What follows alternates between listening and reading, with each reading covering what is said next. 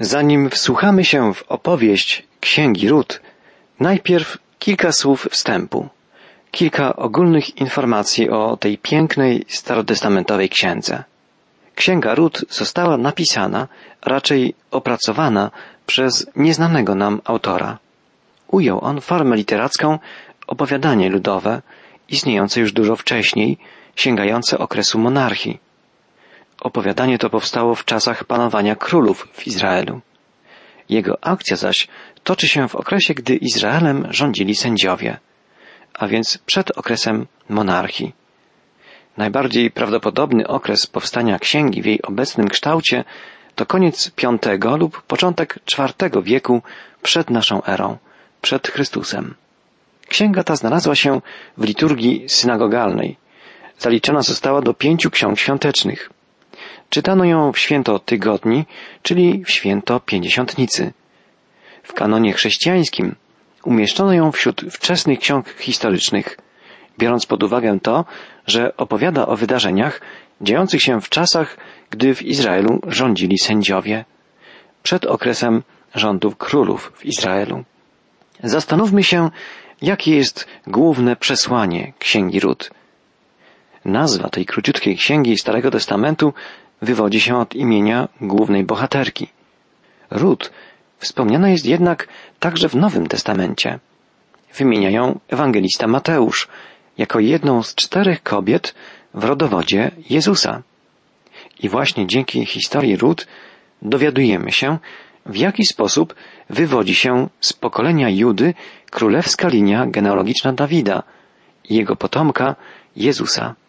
Niektórzy komentatorzy Biblii uważają nawet, że to był główny cel napisania Księgi Ród. Ale księga ta ma nam o wiele więcej do powiedzenia niż tylko wyrysowanie rodowodu Chrystusa. Księga Ród zawiera opowiadanie o dziejach pewnej rodziny judzkiej z Betlejem. Rodzina ta wyrusza za chlebem do Moabu i rozpoczyna życie na obczyźnie. Życie to jednak napiętnowane jest tragicznymi wydarzeniami i nie trwa długo. Po śmierci męża i dwóch synów, matka rodziny, Noemi, wraz ze swoją synową Rut powraca do Betlejem. Po pełnej niezwykłych i wzruszających wydarzeń historii krewny Noemi, Boaz, poślubia Rut, a z ich związku rodzi się Obed, dziadek Dawida. W pięknej historii miłości Rut i Boaza dostrzec można zapowiedź poselstwa Ewangelii. Boaz poślubił Rut na zasadzie tak zwanego prawa lewiratu, czyli prawa wykupu. Stał się dla Rut wykupicielem. Poślubił ją jednak nie tylko ze względu na powinności wynikające z prawa Bożego, ale także dlatego, że ją pokochał. W postaci Rut dostrzegamy archetyp Kościoła, a w postaci Boaza archetyp Chrystusa. Jezus jest wykupicielem Kościoła. To jak Boaz był wykupicielem Rut. Kościół bardzo często przyrównywany jest w Biblii do panny młodej, a Chrystus do kochającego ją Pana młodego. Ten wspaniały obraz wyrysowany jest także w księdze Rut. Ta niepozorna, maleńka księga, zaliczana do wczesnych ksiąg historycznych kanonu biblijnego, jest obok proroczej księgi wielkiego ewangelisty Starego Testamentu Izajasza najwyraźniejszą zapowiedzią nadejścia Mesjasza, Odkupiciela. Księga Rut zawiera też wiele innych, bardzo ważnych treści nauczających. Mówi o tym, że Bóg opiekuje się każdym, kto poddaje się Jego kierownictwu. Zachęca do posłuszeństwa, a także do pracowitości, do starannego wypełniania swoich obowiązków. Rysuje także obraz serdecznych stosunków rodzinnych, opartych o wzajemne zrozumienie, wzajemną troskę i miłość. Zawiera pochwałę stanu wdowiego, ukazuje wzorcowe relacje pomiędzy synową i teściową, rzuca snop światła na problem małżeństw mieszanych. To, że Rut, Moabitka, została żoną Izraelity z pokolenia Judy i że z tego związku narodził się Obed, ojciec Jessego, a dziadek Dawida, ma ogromne znaczenie również dla nas. Już w samej genealogii Jezusa widzimy bowiem sygnał, że przyszedł On nie tylko po to, żeby odkupić Izrael, ale aby stać się Zbawicielem i Panem wszystkich narodów.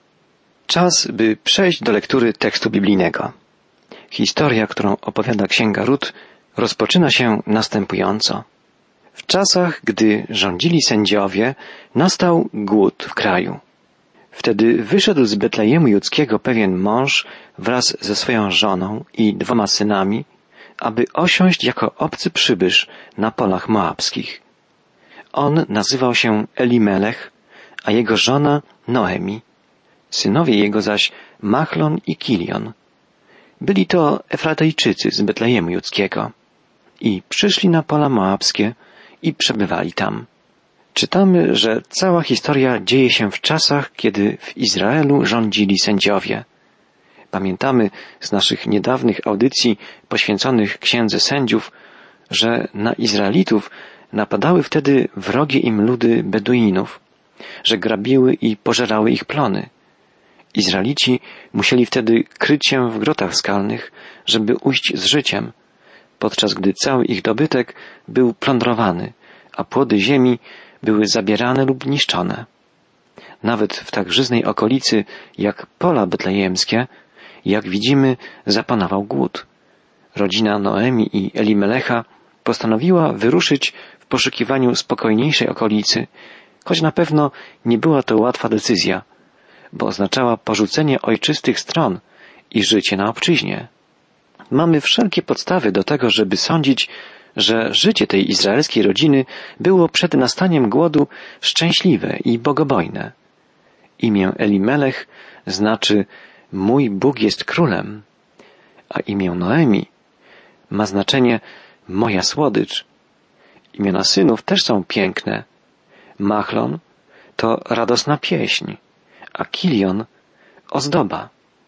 Te imiona wskazują na to, że rodzina Elimelecha i Noemi wiodła zgodne, radosne życie. I nagle zostało ono gwałtownie zaburzone, gdy za sprawą wrogich napaści całej rodzinie zaglądnęły w oczy głód i skrajne ubóstwo. Szczęście tej izraelskiej rodziny zostało zagrożone. Postanowiła więc uciekać przed głodem, ale nie zdawała sobie do końca sprawy, że ucieka także przed Bogiem. Jej miejsce było tutaj, w Betlejem. To, że w Judei zapanował głód, było konsekwencją nieposłuszeństwa ludu izraelskiego względem jedynego żywego Boga, Pana Izraela. Bóg dopuścił, że ludy pogańskie niszczyły plony Izraelitów, dlatego, że postępowali oni źle i odwrócili się od swego Pana. Ale Bóg chciał im błogosławić i pragnął, by się upamiętali, by zaczęli żyć z Nim na co dzień. Wtedy mogliby uprawiać tę ziemię, żyzną ziemię, obiecaną ich przodkom, w spokoju i wtedy dane by im było spożywać jej obfite plony. Betlejem znaczy po hebrajsku dom chleba. Bóg pragnął, żeby Betlejem było takim domem także dla rodziny Noemi. Jak zobaczymy z dalszej części jej historii, to, że opuściła rodzinne strony wraz z rodziną i zamieszkała na obczyźnie, nie przyniosło jej szczęścia. Wręcz przeciwnie, katastrofę. Noemi i Elimelech, uciekając z Betlejem przed głodem, uciekali przed Bogiem, a przed Bogiem nie można uciec. Nie można znaleźć szczęścia niezależnego od Boga, niezależnego od Bożego błogosławieństwa. Bóg przecież kieruje naszym życiem gdziekolwiek jesteśmy.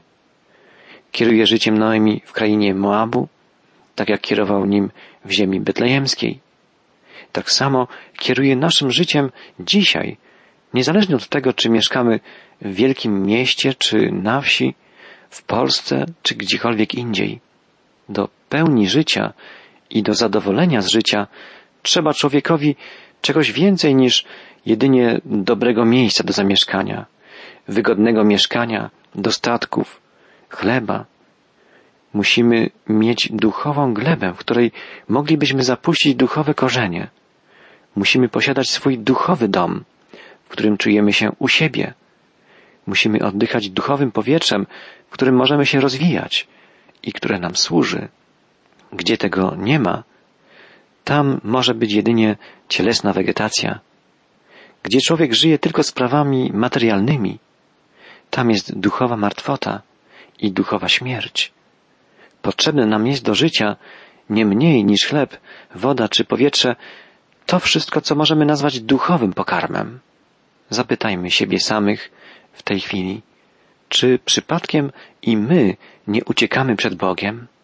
Czy jesteśmy mocno zakorzenieni w duchową glebę, glebę Bożego Słowa, Bożej woli? Upewnijmy się, czy żyjemy z Bogiem na co dzień, czy jest On dla nas kimś najważniejszym, czy jest naszym Panem i Zbawicielem, i naszym przewodnikiem w codziennym życiu. Wróćmy do historii rodziny Noemi. Noemi i Elimelech oraz ich dwaj synowie, Machlon i Kilion, zamieszkali w ziemi moabskiej. Właściwie nie powinni się tam byli znaleźć. Bóg podarował Izraelitom ziemię Kanaanu i tam powinni żyć, tam powinni uprawiać ziemię i służyć swojemu Panu.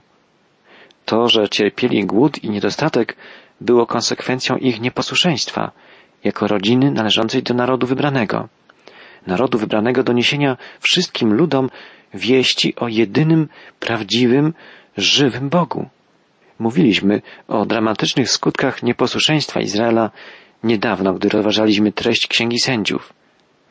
Wrogie Izraelowi ludy grabiły lud Boży, rabowały mu wszystkie plony, wpędzały go w nędzę i głód. Zamiast zaznać po długiej wędrówce przez pustynię pokoju i dobrobytu, lud izraelski musiał chronić się przed najeźdźcami w grotach skalnych, a zdewastowane pola uprawne nie były w stanie go wyżywić. Te okoliczności rzuciły cień na losy Noemi i jej rodziny. Uciekając przed głodem, znalazła się na obczyźnie, ale nie znalazła tu szczęścia. Od trzeciego do piątego wiersza pierwszego rozdziału Księgi Ród czytamy dalej. Potem umarł Elimelech, mąż Noemi, i pozostała ona sama wraz z dwoma swoimi synami. Ci wzięli sobie za żony Moabitki. Jedna nazywała się Orpa, a druga nazywała się Rut. I mieszkali tam około dziesięciu lat. Gdy obaj Machlon i Kilion też umarli, pozostała ta kobieta osierocona, bez obu swoich synów i bez męża.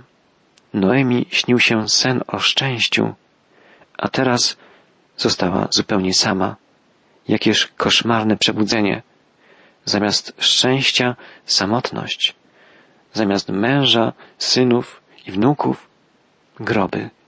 Zmarł jej mąż, zmarli bezdzietnie synowie. Dla nas być może brzmi to prosto. Zmarł Elimelech, mąż Noemi oraz Machlon i Kilion też umarli. Ale pomyślmy, jak ta okrutna prawda brzmiała w uszach osamotnionej, znajdującej się na obczyźnie kobiety.